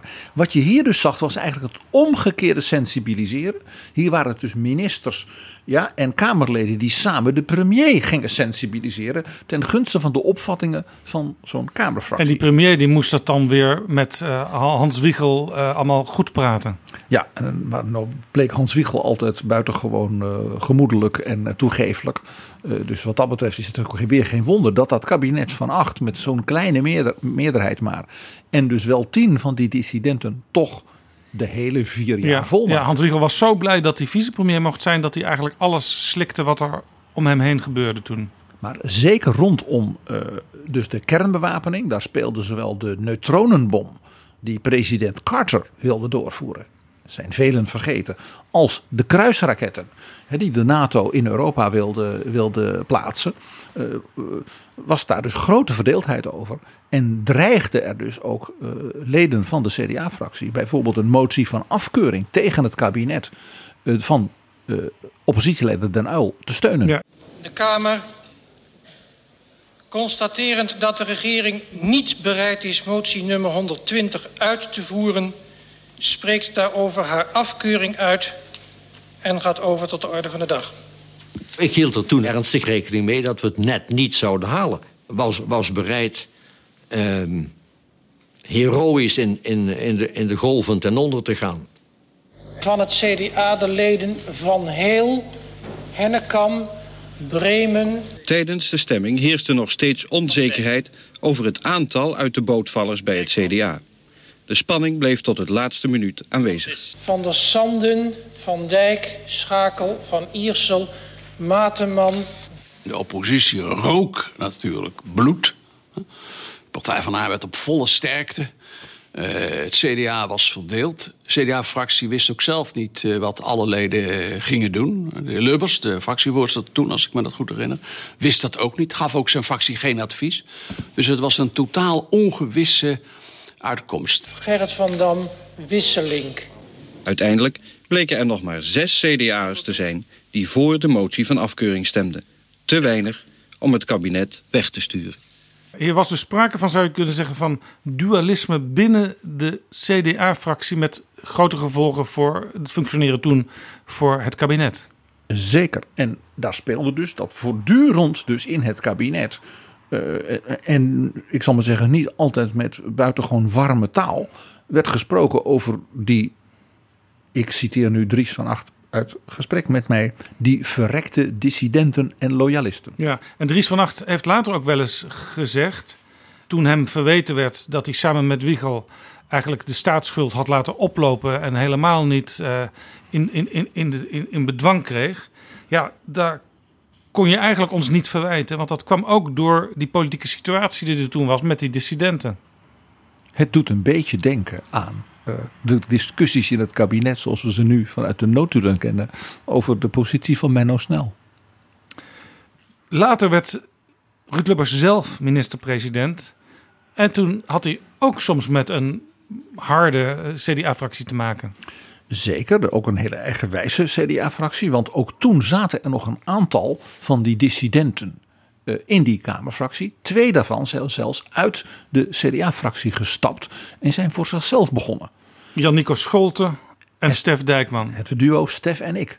Ja, eh, dat gaf dus al aan dat de spanningen in die fractie dus niet minder waren. Het aantal was wat minder, maar de spanningen liepen eerder nog op ten opzichte van de tijd onder Van Acht. En nou ja, het, het proberen, zeg maar, kalmeren, dan wat begrip vragen bij die CDA-fractie. Uh, dat liep dan via uh, de fractieleider Bert de Vries. En ja, dat was dus een, een vorm van sensibiliseren van die tijd. En Jaap, jij kent natuurlijk de, de fameuze formulering van Ruud Lubbers over het overleg voeren met Bert de Vries. Nou ja, ik had laatst al eens gememoreerd dat Bert de Vries in de wandelgang toen wel eens werd genoemd de Jan Lul van het paardenspul. Ja, die heb je al een keer eerder gezegd, omdat je wilt dat ik dan daar weer op reageer en zeg dat dat niet kan. Dus dat doe ik dan opnieuw. Dat kan niet, Jaap.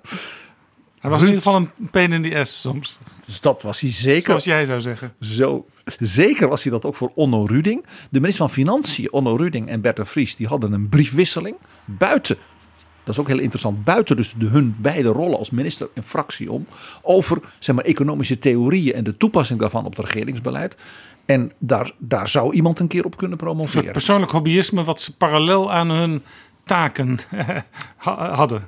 En die had natuurlijk alles te maken met hun rol, maar ook met hun, eh, ik zeg maar, zeg maar, hun specialisme en hun, hun, kennis van zaken. En daar zit echt een heel proefschrift in hoor. Ruud Lubbers die zei over Bert de Vries altijd: Bert is net slagroom. Hoe harder je klopt, hoe stijver hij wordt.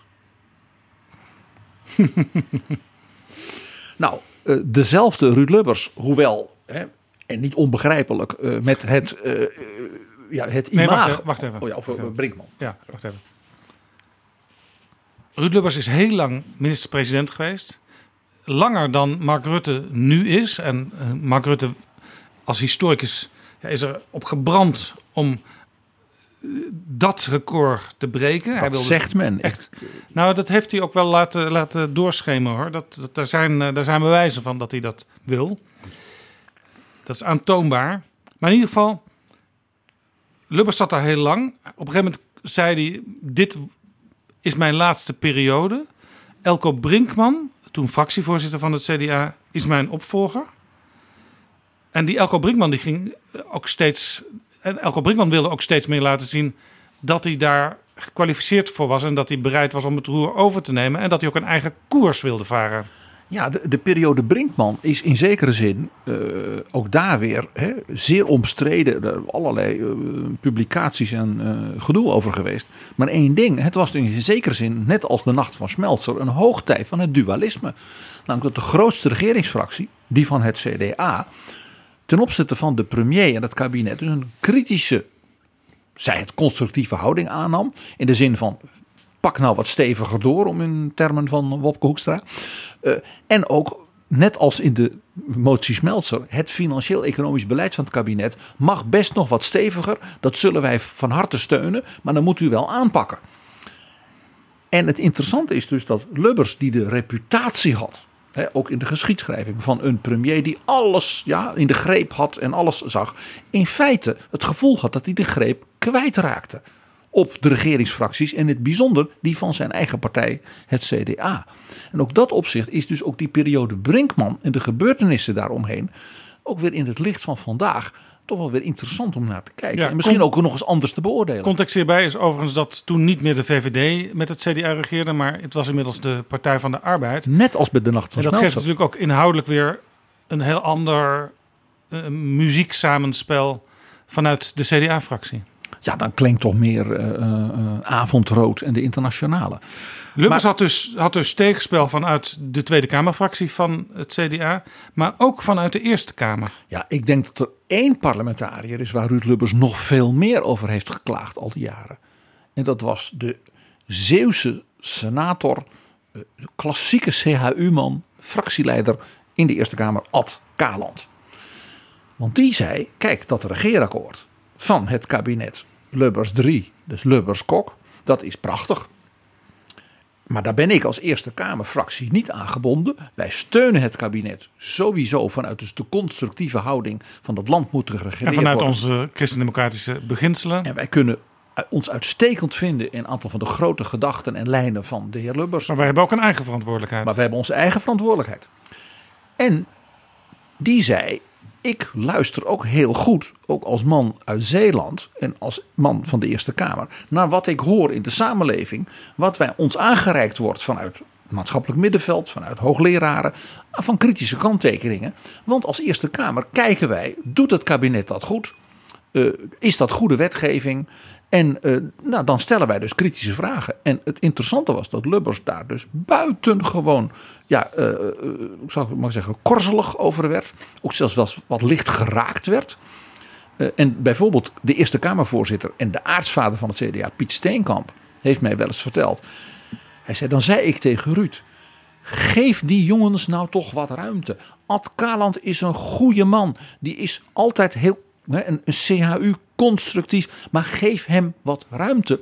Geef hem ook eens gelijk bij zijn kritiek. En dan zei die Elko Brinkman, jij wil zelf dat, hem jou opvolgt, dat hij jou opvolgt. Geef hem dan ook de kans om als fractievoorzitter een goed verhaal te doen. En Ja. voor een aantal dingen te scoren. Je had in die tijd het weekblad nog De Tijd. eh, Een blad met katholieke wortels. En dus ook een, een soort van nestgeur van christendemocratie nog. En die schreven bijna week na week eh, over die relatie, die stroeve relatie tussen Lubbers en Ad Kaland. En die artikelen die werden eigenlijk altijd geschreven door de jonge journalist Tom Jan Meus en zijn ook jonge collega Frans van Dijl. Daar moet ik altijd aan denken als ik die naam Kaland weer eens ergens voorbij zie komen. Maar, dus de, maar de persoon Kaland was dus zo'n voorbeeld van wat je nu in die notulen van het kabinet Rutte 3 ziet. Dat, me- laat ik zeggen, dat dus eh, in dit geval dus de premier en andere de- eh, die naam dus echt voortdurend noemden. En voortdurend, ja, klagerig. Hij loopt ons voor de voeten. eh, heel herkenbaar. Na Ruud Lubbers werd Wim Kok minister-president van de Partij van de Arbeid. Hoe stond die in die discussie dualisme, monisme? Nou, Wim Kok. Ik heb dat vaker gezegd, denk ik, in deze podcast. Onthoud dat hij een vakbondschef was. En was geweest. En heel lang. En dat is een behoorlijk autoritaire, top-down, eh, zeg maar, monistische wereld. Ja, er is discussie, maar op een gegeven moment moet er een besluit worden genomen. En dat besluit moet dan ook zo worden uitgevoerd. Ja, en als er dan gestaakt wordt, moet je niet mensen hebben zeggen: ja, maar en dit, dan gaan we met z'n allen. Hè, willen we naar de dam, dan gaan we naar de dam. Dus dat, dat is een hele stevige, mag ik ook zeggen, nogal masculine wereld. Zeker En aan die de tijd. top hebben ze de bevoegdheid om te overleggen met de rest van de samenleving. En dan moet de achterban uiteindelijk begrijpen dat er ook wel eens een compromis moet worden gesloten. Ja, en dus de, het middenkader moet vooral dan volgzaam zijn en de acties organiseren. En, zo werd hij dus politicus. Eerst fractielid, toen fractievoorzitter van de Partij van de Arbeid.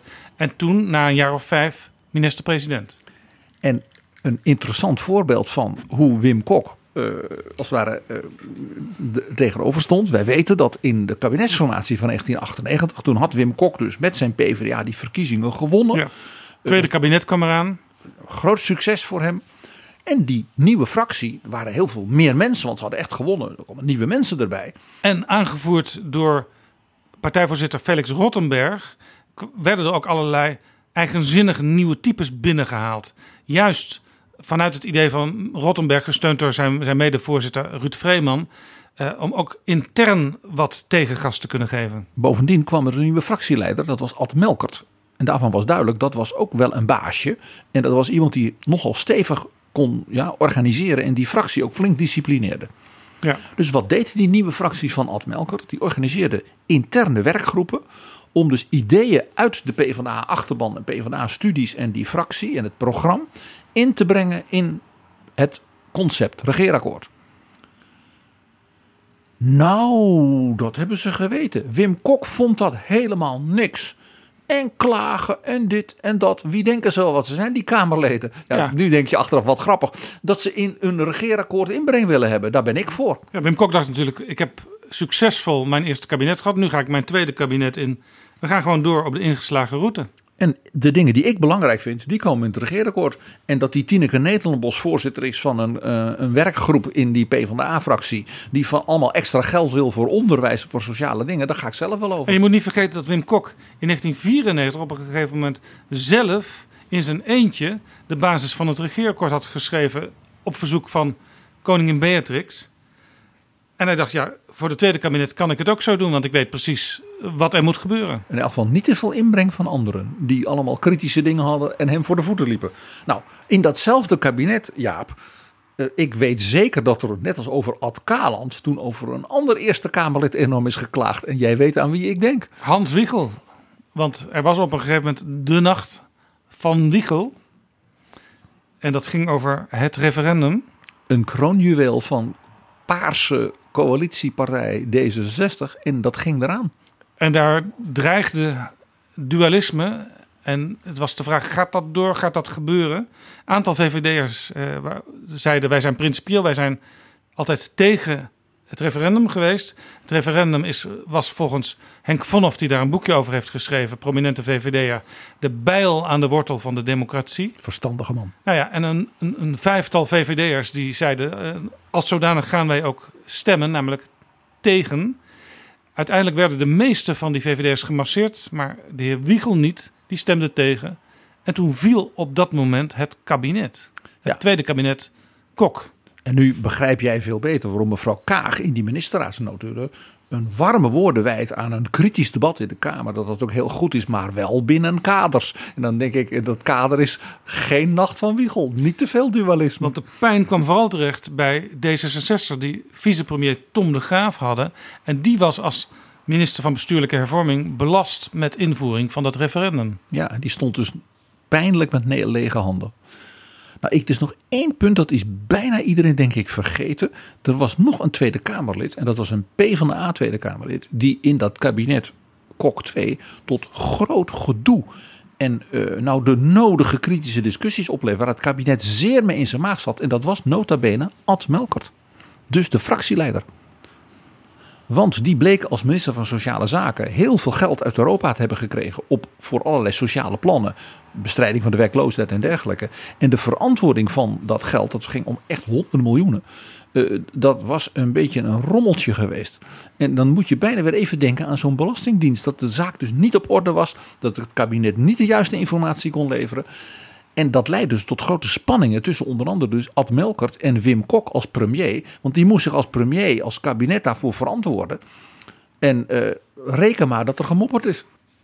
Was ook in die tijd dat toppunt van du- dualisme, lijkt mij. Minister van Financiën Gerrit Salm op een gegeven moment door de Kamer riep over een motie. Wij voeren hem niet uit. Dat was omdat de microfoon was uitgevallen, dus hij moest schreeuwen. Maar ja, dat was duidelijk. Hè? Er is een motie, de Kamer vindt iets en het kabinet zegt doen we niet. Je zou dat inderdaad een top van het dualisme kunnen noemen. Je zou ook kunnen zeggen, natuurlijk de, een ultimum van monistische arrogantie. Het is maar hoe je het wil zien. Na de kabinetten Kok en voorafgaand aan de kabinetten Rutte eh, waren er een aantal kabinetten onder leiding van de CDA Jan-Peter Balkenende. Dat begon natuurlijk eerste kabinet, kort kabinetje, met de lijst Pim Fortuyn. Mensen die van toeten nog blazen wisten op politiek terrein. Ik denk dat er in geen notulen van eh, minister van raadsvergaderingen zulke taal zal zijn ge- genoteerd over Kamerleden als in die paar maanden uit de mond van ministers al Johan Remkes over de mensen van de LPF. Die natuurlijk komen over een jaar of wat voor politicologisch en historisch onderzoek beschikbaar. Dus ik ben benieuwd. Nou ja, als je nagaat dat de LPF-ministers nog meer ruzie hadden met de LPF-Kamerleden dan de anderen in die coalitie. En er zelfs eh, geëist werd dat van die ministers dat ze opstapten door hun eigen partij terwijl ze net zaten. Ik denk dat die notulen, dat is voor eh, ja, de liefhebbers eh, van de politieke geschiedenis TZT genieten en genieten. PG, in de tijd van de kabinetten Balkenende eh, had je een minister waarvan we de namen allemaal nog kennen, Piet Hein Donner. En een Kamerlid van de Partij van de Arbeid, waarvan we de naam ook nog kennen, Mariette Hamer. En die hadden ook vaak contact met elkaar. Dat, dat, dat formuleer je mooi, Jaap. Eh, ik denk ook dat de naam Mariette Hamer in de notulen van eh, de ministerraden van het kabinet Balken en de Vier. Nou, elke vergadering dan wel om de vergadering wel zou voorkomen. Want de knokpartijen, natuurlijk in het net, hè, tussen Hamer en Donner, die was toen minister van Sociale Zaken, die waren episch. Want in het regeerakkoord waren ja, compromissen besloten over dingen als het ontslagrecht en andere, ja, ik zal maar zeggen, verstrakkingen in de sociale sfeer. In ruil voor verruimingen op een aantal andere dingen die PvdA graag wilde. En ja, die verruimingen, die wou de PvdA natuurlijk onmiddellijk hebben. En extra geld en zo. En, eh, dat ging dus, hè, mevrouw Vogelaar voor haar wijken en dergelijke. Maar die verstrakkingen, die dus bij, met name bij Donner in zijn portefeuille zaten. Die ging de PvdA natuurlijk vertragen en dergelijke. En Donner moest daarover tot akkoorden zien te komen. Dus tot uitwerking. Met de specialist op dat terrein in de PvdA-fractie. En dat was Mariette Hamer. En ja, de onderhandelingen van die twee, ja, die gingen eh, zeg maar de pa- parlementaire politieke geschiedenis in. Want dat zijn alle twee buitengewoon geverseerde onderhandelaars. En ze zijn stevig en ze zijn koppig en eigenwijs. En ze hebben een enorme dossierkennis. Dus dat was, ja, dat schreef geschiedenispolitiek. Ja, en ook beide zijn ze wel een beetje van cynische humor. Ja, ze zijn niet zonder humor. Dat is bekend. De luisteraars van Betrouwbare Bronnen weten dat ook van Mariette Hamer. En toen Mariette Hamer afscheid nam als Kamerlid... om voorzitter van de SER te worden... toen was er voor dat afscheid een film gemaakt. Over hoe zij politiek bedreef. En toen hadden ze dus een aantal mensen geïnterviewd van hoe, hoe hebben jullie haar leren kennen. En één van die mensen was Piet Hein Donner. En dat was heel onverwacht, met name ook voor mevrouw Hamer zelf. En Piet Hein Donner was toen al uh, vicepresident van de Raad van State. Dus die werd gefilmd in zijn prachtige rococo-kamertje in Paleis Kneuterdijk. En toen werd hem gevraagd. Het schijnt zo te zijn, meneer Donner, dat onderhandelen met Mariette uh, buitengewoon lastig is. Dat, is dat zo? Want u heeft toch met haar onderhandeld? Nou, zei hij toen, lastig, nou, nou eigenlijk niet. Mariette zegt altijd nee. Je begrijpt, niemand lachte zo hard als Mariette Hamer zelf. PG, we hebben het nu over de periode Balkenende. In 2003, toen Balkenende regeerde, kwam Pieter Omtzigt in de Tweede Kamer voor het CDA. Is al best wel een tijd geleden, 18 jaar geleden. We hebben het nu natuurlijk steeds over de ministerraadsnotulen, waarin een van de mensen over wie wordt gesproken van kan het niet wat, wat minder, eh, kan die man niet wat gesensibiliseerd worden, Pieter Omtzigt is. Was hij toen ook al in beeld als lastig? Nou ja, het Kamerlidmaatschap was voor de jonge wetenschapper eh, Pieter Omtzigt natuurlijk een prachtig voorbeeld van een functie elders. Laten we daarmee beginnen. Ja. Uh, hij kwam ja, uit het buitenland allereerst. Hij had eh, in, bij de Rijksbank van Zweden gewerkt. Hij was gepromoveerd, ook onder in Engeland en in Florence. En gaf ook les aan Italiaanse universiteiten. Niet het gebruikelijke achterland van een Kamerlid in Nederland. En hij komt binnen. En ja, Pieter Omzicht ging doen wat hij eigenlijk tot de dag van vandaag doet. Uh, namelijk uh, zich verdiepen in de dossiers, rekenen, de bijlagen door ploegen meteen zien dat allerlei dingen niet kloppen. Dat de ambtenaren dingen beter hadden moeten door, doorforsen. En ministers lastigvallen. En dat begon dus al meteen bij minister De Geus van Sociale Zaken. Want die had op grond van het regeerakkoord een zeer grote soort herzieningsoperatie van de sociale zekerheid. Aart-Jan De Geus, ook even belangrijk om te vermelden, CDA-partijgenoot van Omtzigt uit de vakbondswereld, uit het CNV. En die zou dus als er ja, de bestaande wetgevingen en structuren van de sociale zekerheid moeten uh, beter integreren. En volgens mij heette dat de Walvis-operatie. Dat was een afkorting. Operatie Walvis. Ja, en dat moest uiteindelijk leiden tot uh, besparingen. Dat dingen dus sneller en goedkoper en efficiënter konden. En dat de besommingen liepen in de vele miljarden. En Omtzigt, die, ja, die ging rekenen en die kwam tot de conclusie, daar klopt helemaal niks van. Dat gaat helemaal geen miljarden opleveren. Dat gaat eerder nog meer geld kosten als die uitvoeringsapparaten, what's new Jaap, ja, blijven functioneren zoals ze doen. Het zit elkaar in de weg, het werkt niet goed. De minister wordt uh, niet goed geïnformeerd. De vakbonden en de werkgevers hebben ook zo hun belangen via de polder bij die sociale zekerheid. En ja. omzicht rekenen, rekenen, rekenen. En die ging dus memo's schrijven. En het maakt zo'n omzicht dan helemaal niet uit dat die minister toevallig van dezelfde politieke partij is? Nee, uh, Omtzigt kwam uit de wetenschap. Was en misschien is zelfs tot de dag van vandaag een beetje onpolitiek. Het was eerder zo dat Omtzigt minister Aart-Jan de Geus wilde sensibiliseren op dit terrein. Zo zou je dat kunnen zeggen, ja. En dat gebeurde op de manier die we van hem kennen. Met zeer stevige notities en rekensommen en wat al niet.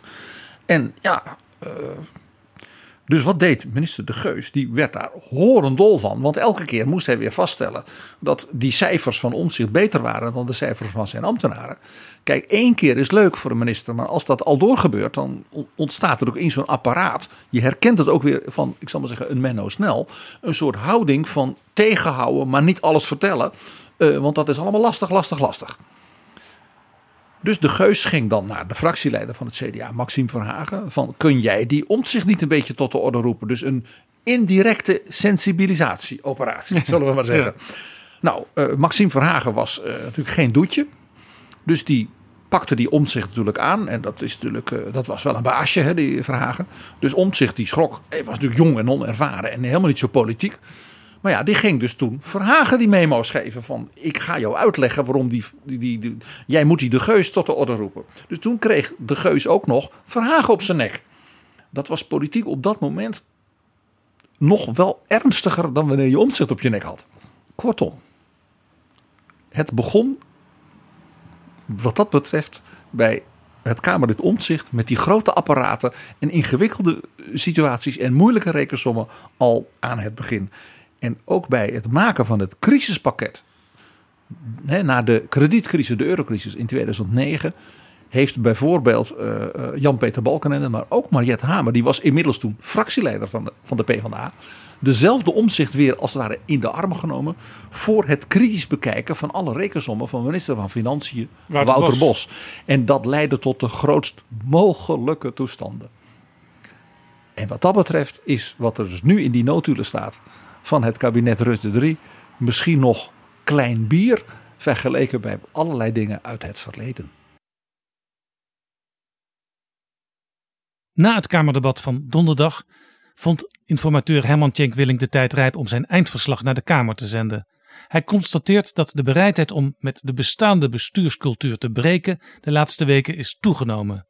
Maar hij waarschuwt ook. De democratische rechtsorde, zegt hij, is gebaseerd op vertrouwen en matiging. Maar het lijkt erop dat vertrouwen en matiging hebben plaatsgemaakt voor wantrouwen en escalatie. Verantwoording vragen wordt vervangen door schuldigen zoeken en van fouten leren wordt vervangen door afrekenen. Wat ik zelf eerder deze week zei in mijn politieke column op BNR Nieuwsradio, lees ik letterlijk terug in het verslag van Cenk Willink. Meer dualisme, dat is gemakkelijker gezegd dan gedaan.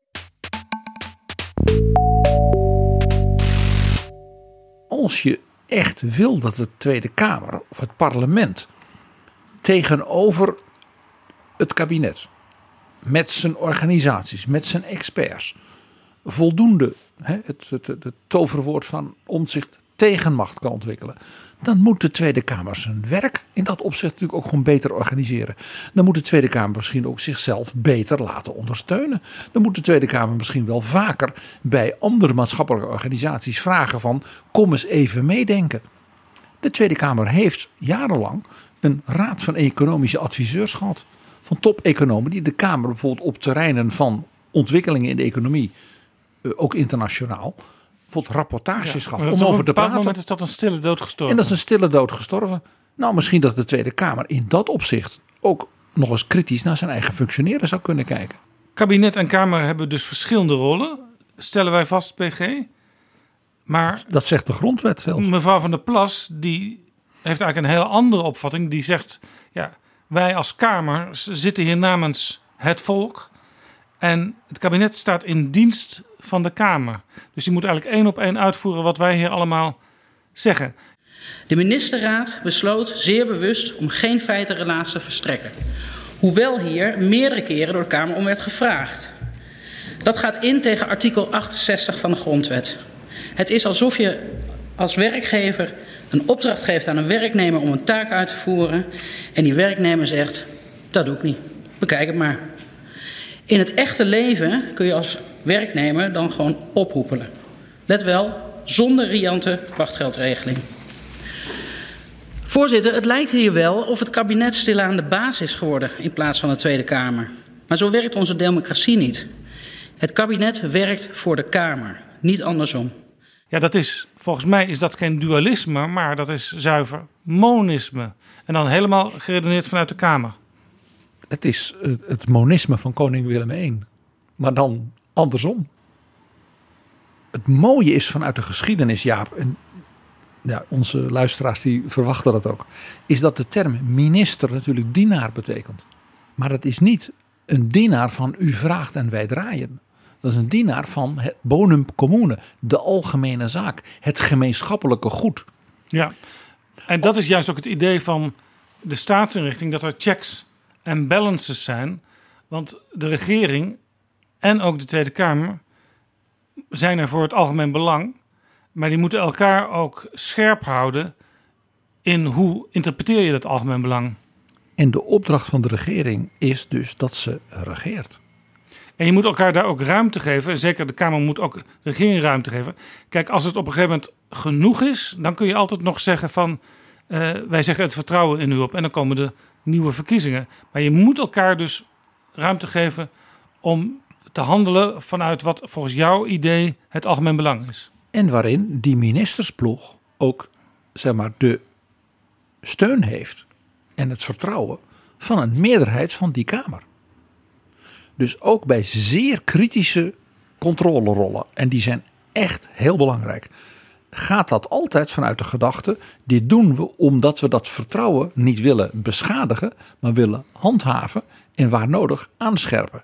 Dus kritische benaderingen, zoals bijvoorbeeld een omzicht doet, is dus niet destructief, maar is dus intrinsiek constructief. Namelijk als we door zo kritisch te zijn de bewindspersoon zeg maar, op het goede spoor houden, of net wat meer laten doen, of nog meer de focus op dat ene belangrijke ding en niet al die andere ambtelijke uh, afleidingsmanoeuvres, dan is dat om de zaak te verbeteren, om de zaak beter te maken. En bij dat dualisme en dus het misverstand van mevrouw van der Plas speelt namelijk één ding. Men verwart dat dat dualisme zich over drie heel verschillende dingen uit, uitspreidt.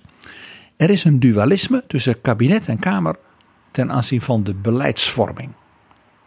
Dat is dat het kabinet of een minister zegt: We hebben een aantal afspraken gemaakt. De komende jaren gaan we dat doen. Zo'n regeerakkoord in hoofdlijnen.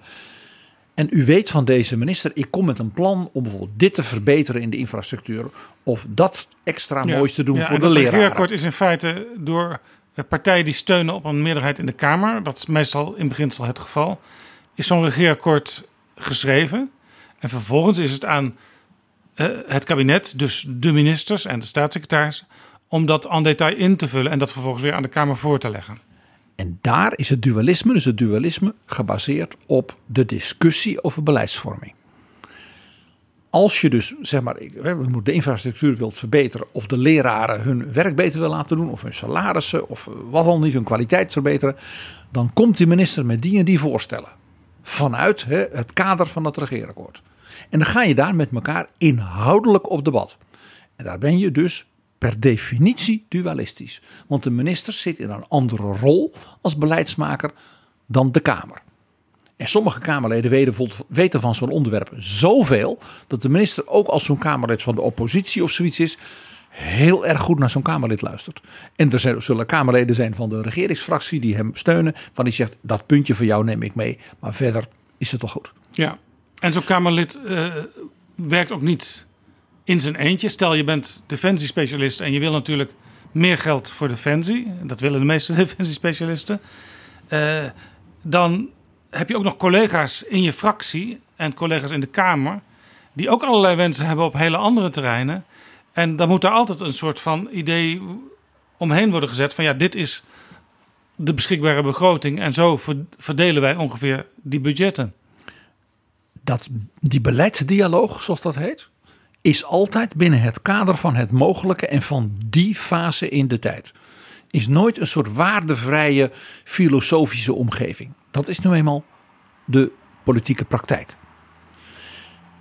Het tweede deel, dat is de, het dualisme tussen Kamer en kabinet over de beleidsuitvoering. Dat is als we dan samen het erover eens zijn dat dit de goede aanpak is voor de infrastructuur of voor betere leraren. Hoe gaat u dan die lerarenopleidingen bijvoorbeeld verbeteren zodat we die betere leraren krijgen? Ja, of dat is dus iets anders dan de beleidsvorming, dus de, de zeg maar, bijna politieke filosofie voor de komende 10, 20, 30 jaar. Dat is, en hoe gaan we dat dan concreet uitvoeren? Bijvoorbeeld welke leraaropleidingen geven een soort voortrekkersrol, want die zijn heel goed. Of wij willen als Kamer, vinden wij het heel belangrijk uh, dat er aan fraudebestrijding gedaan wordt. Wij vinden het ook heel belangrijk dat mensen op een rechtvaardige wijze toeslagen krijgen.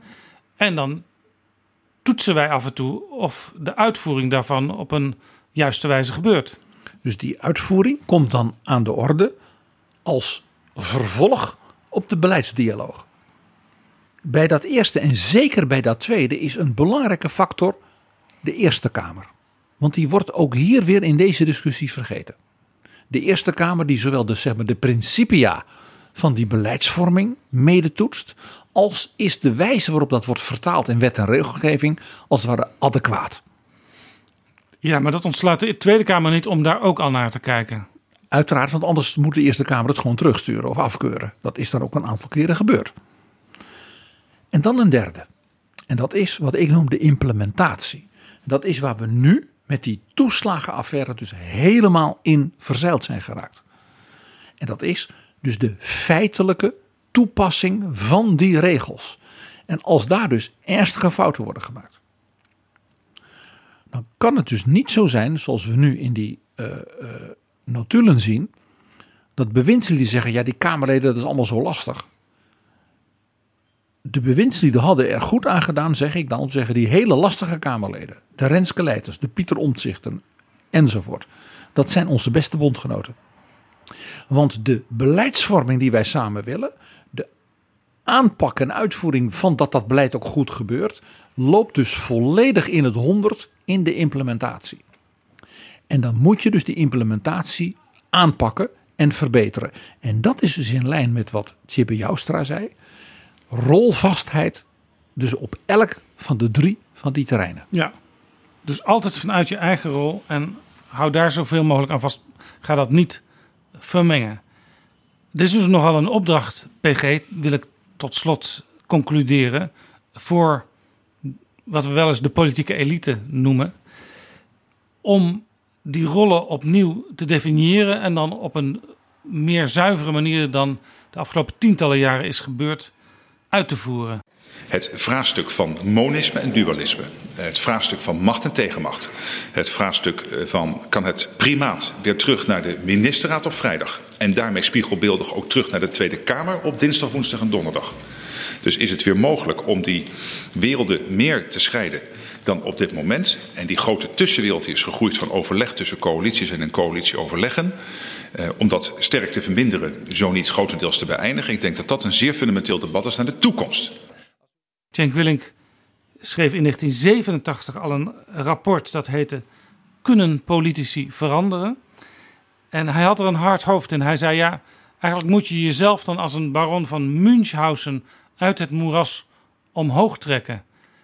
En die conclusie die hij toen trok, het zal lastig worden, het zal lastig zijn. Ja, daar staan we eigenlijk op, nu opnieuw nu voor. Maar nu lijkt het erop dat de Tweede Kamer en de regering een scherper besef hebben van ja, we moeten nu echt wel iets gaan veranderen aan ons gedrag, aan onze houding, aan de invulling van onze rol. Eén Jaap. Men wil het dus echt proberen. Dat vind ik op zichzelf al heel wat. En twee, als jij het goed vindt, zal ik in een volgende editie van Betrouwbare Bronnen het historische verhaal vertellen over wie was die baron van Münchhausen. Wat is dat voor verhaal? Dat zelfs een Tjenk Willink even na dato zich nog op hem beroept. Dat houden we nog te goed. Dankjewel, PG.